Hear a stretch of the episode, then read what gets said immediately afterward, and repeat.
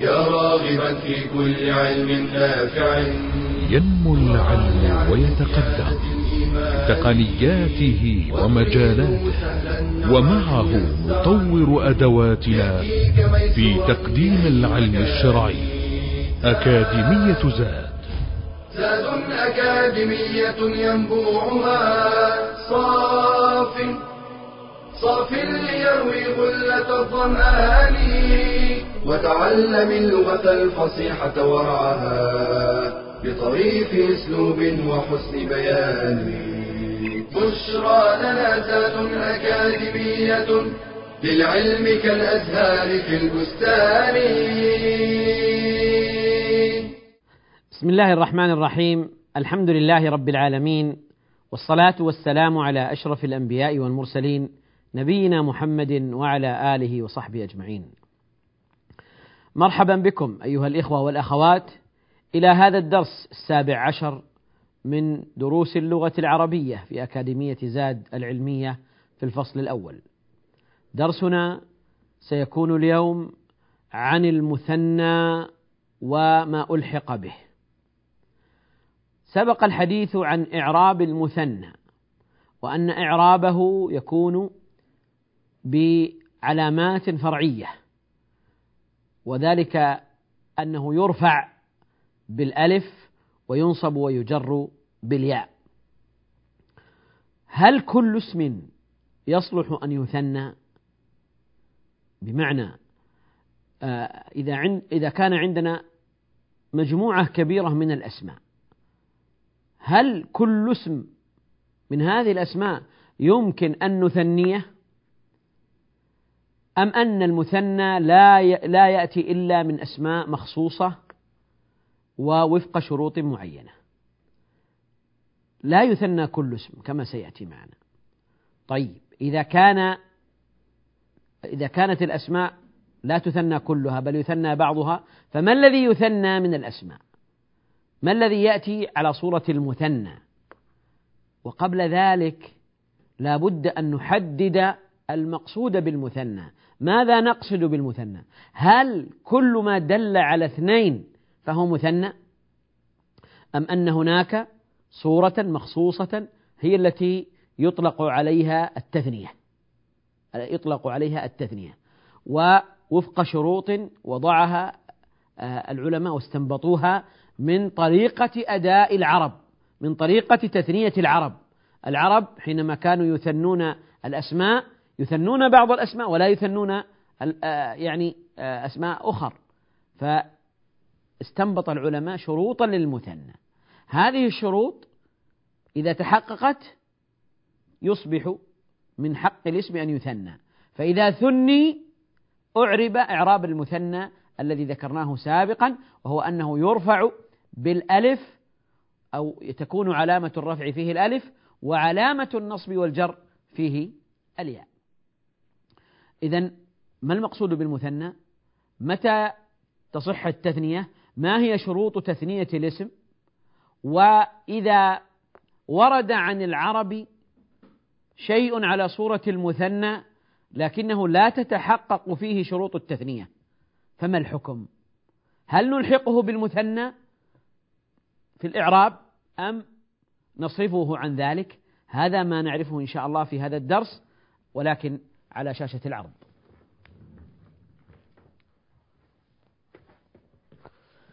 إذا درسنا اليوم هو عن المثنى وملحقاته. المثنى ما المقصود بالمثنى؟ ما دل على اثنين أو اثنتين. ما دل على اثنين أو اثنتين وهذا ظاهر. بزيادة ألف ونون أو ياء ونون. يعني يدل على على على الاثنين به زيادة الألف والنون يعني يزاد في آخره. ألف ونون فيدل على اثنين. كما لما حينما نقول رجل. فإذا أردنا التثنية وأردنا الدلالة على اثنين قلنا رجلان بزيادة الألف والنون. بزيادة الألف والنون. زيد زيدان. زيدان. عالم عالمان عالمان.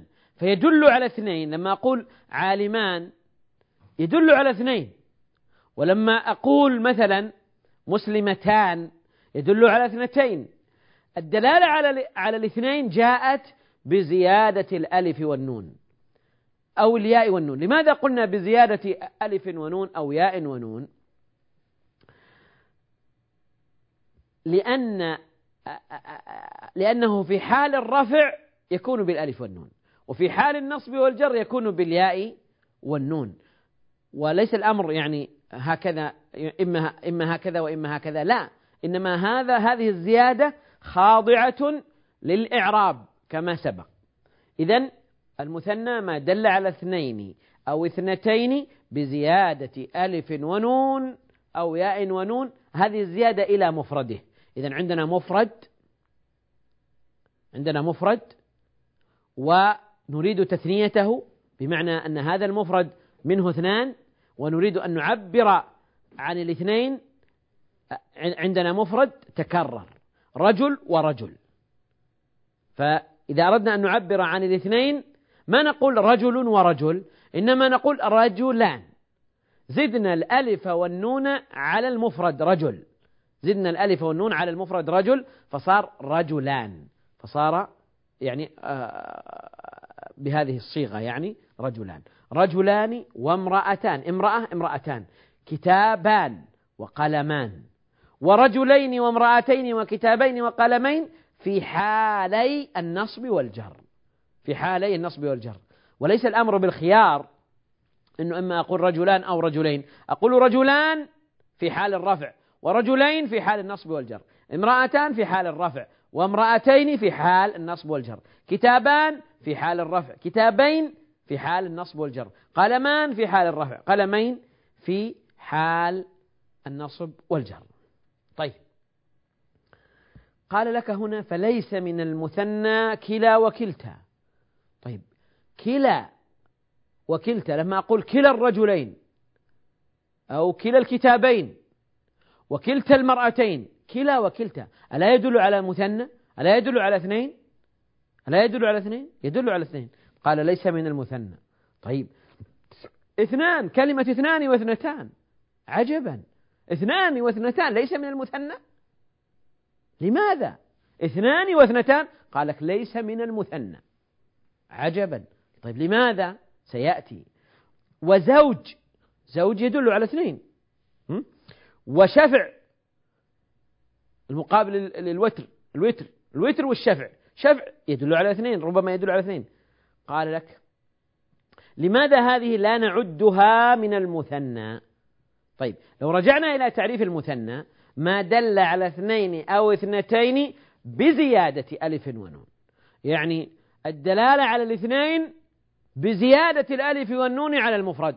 إذا عندنا مفرد لابد يكون عندنا مفرد. ويكون الدلالة على الاثنين بالزيادة. بمعنى لو لم تكن هذه الزيادة لما دل على اثنين. فانظروا معي إلى هذه الكلمات التي تدل على اثنين لكنها لا تعد من المثنى. كلا. ما مفرد كلا؟ هل لها مفرد؟ هل الدلالة على التثنية جاءت من زيادة ألف ونون أو ياء ونون؟ لا. اثنان واثنتان. اثنان. ما مفرده؟ مفرده واحد ليس له مفرد من لفظه. فإذا ليس عندنا إثن وزدنا عليه الألف والنون فدل على الاثنين. يعني بخلاف مثلا لما نقول رجل رجلان. ما عندنا إثن يدل على واحد واثنان يدل على اثنين. ما عندنا ما عندنا مفرد إثن. إثن ليس عندنا هذا ليس ليس موجودا. فالكلمة بتمامها كلها اثنان تدل على الاثنين. لكن ليست ليست لها مفرد من لفظها والتثنية لم تكن بزيادة الألف والنون. ومثلها اثنتان. فإذا اثنان واثنتان يدل على اثنين لكن ليس بزيادة الألف والنون. ليس بزيادة الألف والنون. وزوج وشفع أيضا لا يدل على الاثنين بزيادة ألف ونون ليس فيه ألف ونون. زوج ليس فيه ألف ونون. وشفع ليس فيه ألف ونون. إذا أيها الإخوة المثنى ما دل على اثنين أو اثنتين بزيادة ألف ونون أو ياء ونون على مفرده. فاصل أيها الإخوة ثم نواصل. بشرى لنا أكاديمية للعلم كالأزهار في البستان.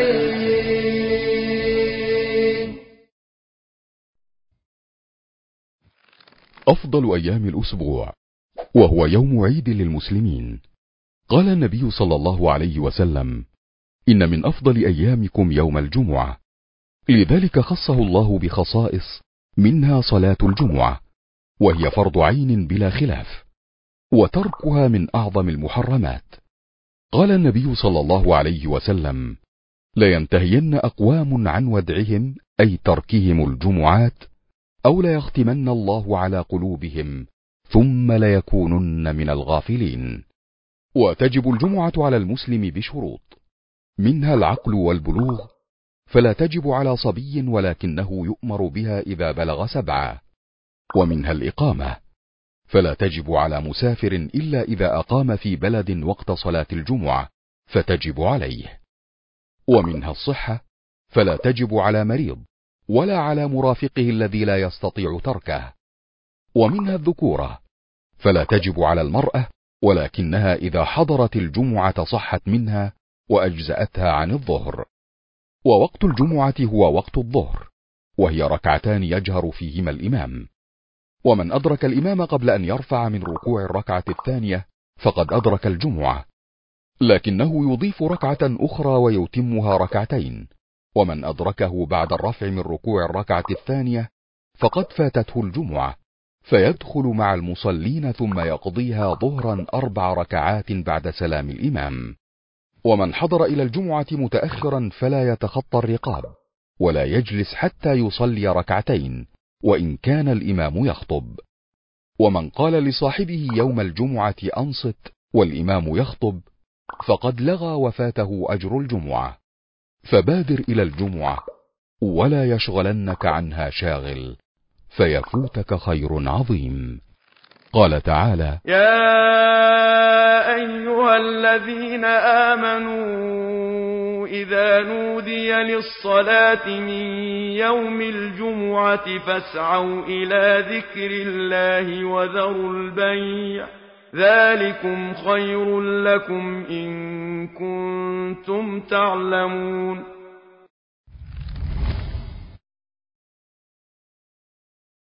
بشرى لنا أكاديمية للعلم كالأزهار في البستان. بسم الله الرحمن الرحيم.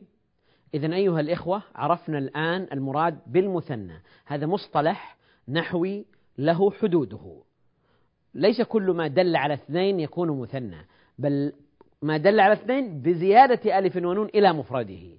لابد يكون عنده مفرد له مفرد وزيدت عليه هذه الألف والنون فصار يدل على اثنين فصار يدل على اثنين. إذا ليس كل اسم يمكن أن يثنى ولذلك جعل النحاة للاسم المراد تثنيته والاسم الذي نريد أن نثنيه لا بد أن تجتمع فيه هذه الشروط. لا بد أن تجتمع فيه هذه الشروط. الشرط الأول أن يكون مفردا يعني الاسم الذي يراد تثنيته الذي نريد أن نثنيه مثل رجل نريد أن نثنيه فنقول رجلان. كتاب نريد أن نثنيه فنقول كتابان. كتاب هذا الذي نريد أن نثنيه يشترط فيه أن يكون مفردا. فلا يثنى المثنى. يعني لو كان عندنا كتابان هل يجوز أن نثني كتابان؟ لا يجوز. ما نثني إلا المفرد. ولا المجموع ولا الذي فيه جاء الذي يدل على الجمع. ما نثني الذي يدل على الجمع. فلا نقول رجلانان ولا زيدونان. إذا الشرط الأول أن يكون مفردا. الشرط الثاني أن يكون معربا. يعني ما يكون لا يكون مبنيا. لا يكون مبنيا. المبني الاسم المبني لا يثنى. الاسم المبني لا يثنى. يعني مثلا عندنا الضمائر مثلا. أنا هل يجوز أن أثني أنا؟ هو. هل يجوز لي أن أثني هو فأقول هوان؟ لا. لا يثنى إلا المعرب يعني أن يكون معربا شرط أن يكون معربا. وأما اللذان وهذان اللذان الاسم الموصول وهذان اسم الإشارة فليس بمثنيين يعني هما يدلان على المثنى يدلان على على المثنى لكن ليس مثنى مثنيان بالمصطلح ليس مثنيين بالمصطلح المعروف.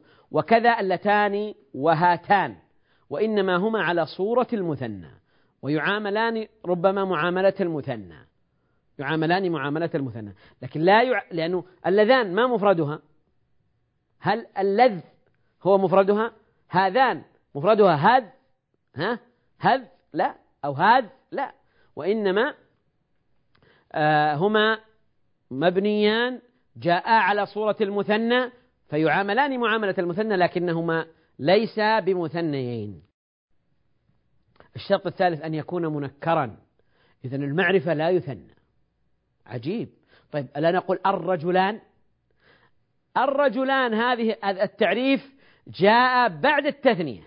أما قبل التثنية فلا بد أن يكون منكرا ليثنى. فلو كان علما مثلا وأردنا تثنيته فلا بد أن نجعله نكرة ثم نثنيه.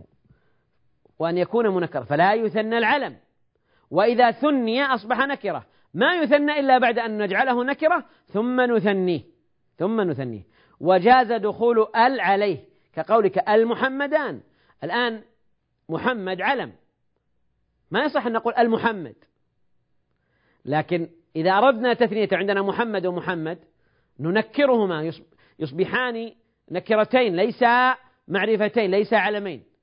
فنقول محمدان وهما منكران. حتى إذا قلنا محمدان منكران. الدليل على أنهما أنهما نكرتان أننا أدخلنا ال لأن ال التعريف لا تدخل إلا على النكرة. في الأصل لا تدخل إلا على النكرة. إذا الشرط الثاني أن يكون منكرا. الشرط الثالث أن يكون له مماثل. أن يكون له مماثل. رجل له مماثل رجل. لكن شيء في الوجود واحد مثلا شمس مثلا. ما عندنا في الدنيا إلا شمس واحدة. قمر ليس عندنا إلا قمر واحد. قمر على الحقيقة. طيب. ف فلا يثنى الشمس ما نقول شمسان ولا قمران إلا إلا تجوزا آه، من باب التغليب. يسمى باب التغليب. فما نثني الشمس والقمر لأنهما ليس متماثلين. ليس متماثلين. فإذا ثنينا وقلنا القمران ونقصد الشمس والقمر فهذا من باب التغليب. من باب التغليب. فهذا ملحق بالمثنى وليس مثنى. إذا الشرط الأول أن يكون مفردا أن يكون معربا الثاني أن يكون معربا الثالث أن يكون منكرا الرابع أن يكون له مماثل أن يكون له مماثل. فلا يثنى الشمس والقمر لأن الشمس والقمر هذا الشمس لفظه غير لفظ القمر وهذا شيء وهذا شيء. فهو ليس له ليس له مماثل. طيب. لو قلنا القمران هذا يكون من باب التغليب لأن ما ما ما مفرد القمرين؟ القمران مفردهما الشمس والقمر. الشمس والقمر. ما تقول مفردهما القمر؟ مفردهما القمر. لكن لو لو كان استعمالا مجازيا مثلا ها وتشبه اثنين بالقمر كل واحد منهما تشبه بالقمر فتقول حضر القمران فيكون هذا مثنى حقيقة لأنك لا تقصد الشمس والقمر وإنما تقصد قمر وقمر. قمر وقمر آه، بالاستعمال المجازي. طيب. فإذا هذه شروط تثنية الاسم الذي يعني شروط الاسم الذي يراد تثنيته. يعني لا يثنى الاسم إلا إذا اجتمعت فيه هذه الشروط. فلو وجدنا مثنى ليست في مفرده هذه الشروط فإننا لا نعتبره مثنى على آه، وفق الاصطلاح النحوي. وفق الاصطلاح النحوي. طيب. إذا هذا يلزم منه أن هناك ألفاظ جاءت على صورة المثنى ولا تجتمع فيها الشروط تفقد الشروط أو تفقد بعض الشروط فهنا هل نعاملها معاملة المثنى أم نعاملها معاملة أخرى؟ الجواب أننا نعاملها معاملة المثنى ونلحقها بالمثنى ونلحقها بالمثنى. فهكذا سمعت عن العرب فنحن نعاملها معاملة المثنى معاملة المثنى. إذا المراد بالملحق بالمثنى أسماء تعامل معاملة المثنى أسماء تعامل معاملة المثنى فتعرب إعرابه يعني ترفع بالألف وتنصب وتجر بالياء وتنصب وتجر بالياء. ضابطها هي الأسماء التي فقدت شرطا من شروط المثنى. وهي مثلا اثنان. اثنان لأنه ليس له مفرد من لفظه. ليس له مفرد من لفظه. واثنتان كذلك. وكلا وكلتا. وكلا وكلتا. فهذه إذن نسميها ملحقات بالمثنى. تعرب إعراب المثنى يعني ترفع وتكون علامة الرفع فيها الألف وتنصب وتجر وعلامة النصب والجر الياء. وكذلك كلا وكلتا اثنان واثنتان وكلا وكلتا كلا للمذكر وكلتا للمؤنث وكذلك اثنان للمذكر واثنتان للمؤنث. إذا الملحق بالمثنى هي أسماء ألحقت بها في الإعراب فعوملت معاملتها في الإعراب. وهي لا نعدها مثنى وفق المصطلح لأنه لا يسمى أو لا لا يطلق على الاسم أنه مثنى إلا إذا كان مفرد إذا كان مفرده قد اجتمعت فيه الشروط. أن يكون مفردا أن يكون معربا أن يكون منكرا أن يكون له مماثل أن يكون له مماثل. فمتى فقد شرط من هذه الشروط؟ فإننا نعتبره ملحقا بالمثنى يعامل معاملة المثنى ولا يكون مثنى ولا يكون مثنى وضابطها الأسماء التي فقدت شرطا من شروط المثنى اثنان واثنتان. اثنان نعيد نكرر أن اثنان قد يعني يشكل على بعضهم كيف اثنان ليس مثنى. نقول بناء على اصطلاحنا وعلى تعريفنا للمثنى أنه ما دل على اثنين بزيادة ألف ونون فهنا دل على اثنين لكنه ليس بزيادة ألف ونون ليس له مفرد من لفظه. ما يعد مثنى إلا إذا كان له مفرد من لفظه. فاصل أيها الإخوة ثم نواصل الحديث بإذن الله عز وجل. بشرى لنا ذات أكاديمية للعلم كالأزهار في البستان.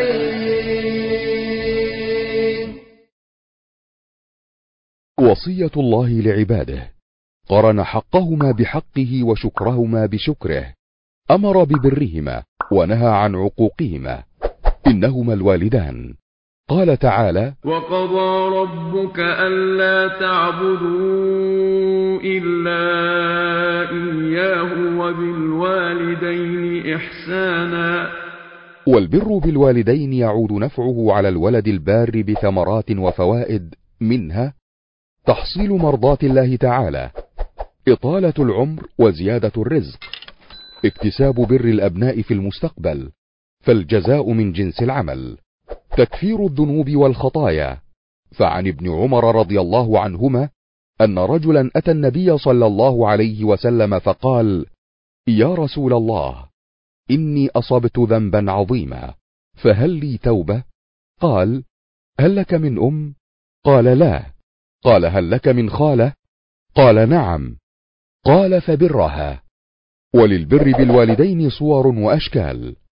منه ما يكون في حياتهما كإحسان القول إليهما وخفض الصوت عندهما وطاعتهما فيما يأمران به وتعليمهما ما يحتاجان إليه واستئذانهما عند السفر وإظهار التقدير والاحترام لهما وتقبيل أيديهما ورأسيهما والسعي في إرضائهما وتحمل المشاق في سبيل ذلك. ومنه ما يكون بعد وفاتهما كالدعاء لهما والاستغفار لهما وقضاء دينهما وصلة الرحم التي لا توصل إلا بهما وإكرام أصدقائهما. قال رسول الله صلى الله عليه وسلم إن من أبر البر صلة الرجل أهل ود أبيه بعد أن يولي. بشرى لنا ذات أكاديمية للعلم كالأزهار في البستان. بسم الله الرحمن الرحيم. نواصل أيها الإخوة. فنقول إن الملحق بالمثنى هي هي الأسماء التي جاءت تدل على اثنين أو جاءت على صورة المثنى وتعامل معاملة المثنى في الإعراب فترفع وتكون علامة الرفع الألف وتنصب وتكون علامة النصب الياء وتجر وتكون علامة الجر الياء. ولكن اعتبرناها ملحق بالمثنى لأنها ليس لها مفرد من لفظها. ليس لها مفرد من لفظها. أو لأنها اختل فيها شرط من الشروط التي سبق ذكرها.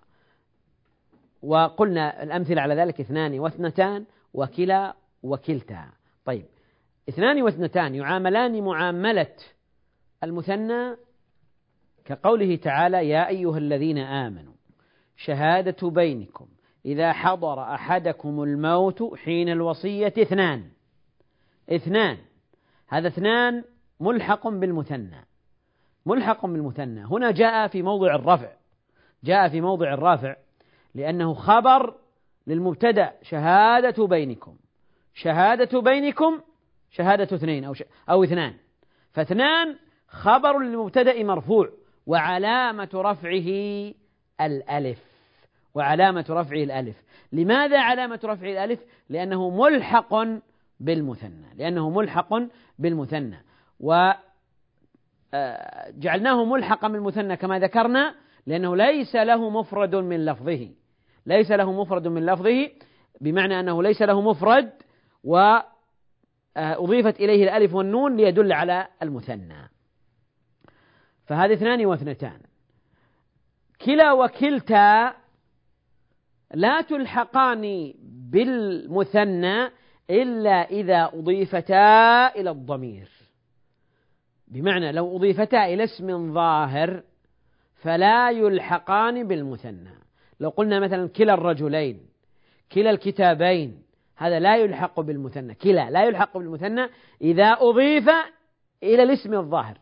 أما إذا أضيف إلى الضمير إذا أضيف إلى الضمير فإنه يكون ملحقا بالمثنى. إذا كلا وكلتا المضافتان إلى الضمير.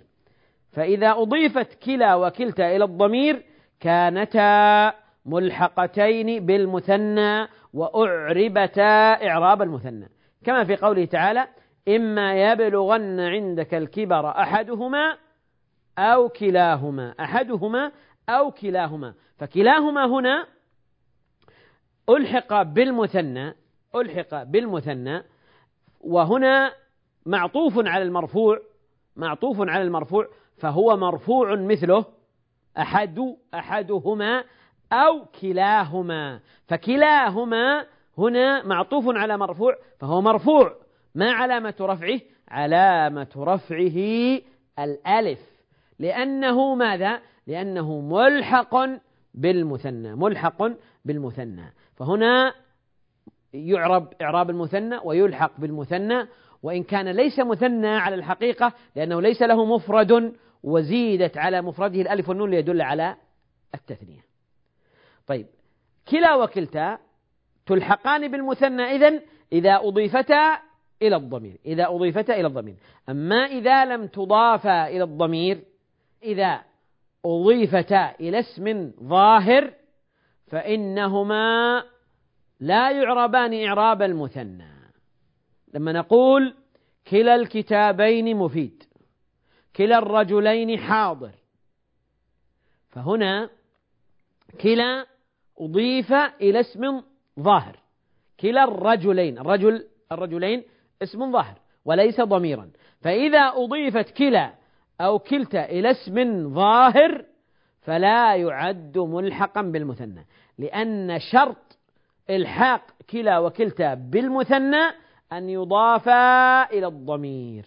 هذا شرط لا يلحقان إلا إذا أضيفا إلى الضمير. طيب إذا أضيفتا إلى الاسم الظاهر مثل قولنا كلا الرجلين حاضر. فكلا يكون إعرابه مبتدأ مرفوع وعلامة رفعه الضمة المقدرة على آخره. مقدرة على الألف. لا يلحق بالمثنى. ما نقول آه إنه ملحق بالمثنى مرفوع علامة رفعه الألف. لماذا؟ لأن كلا الرجلين لا ينصب بالياء ولا يجر بالياء.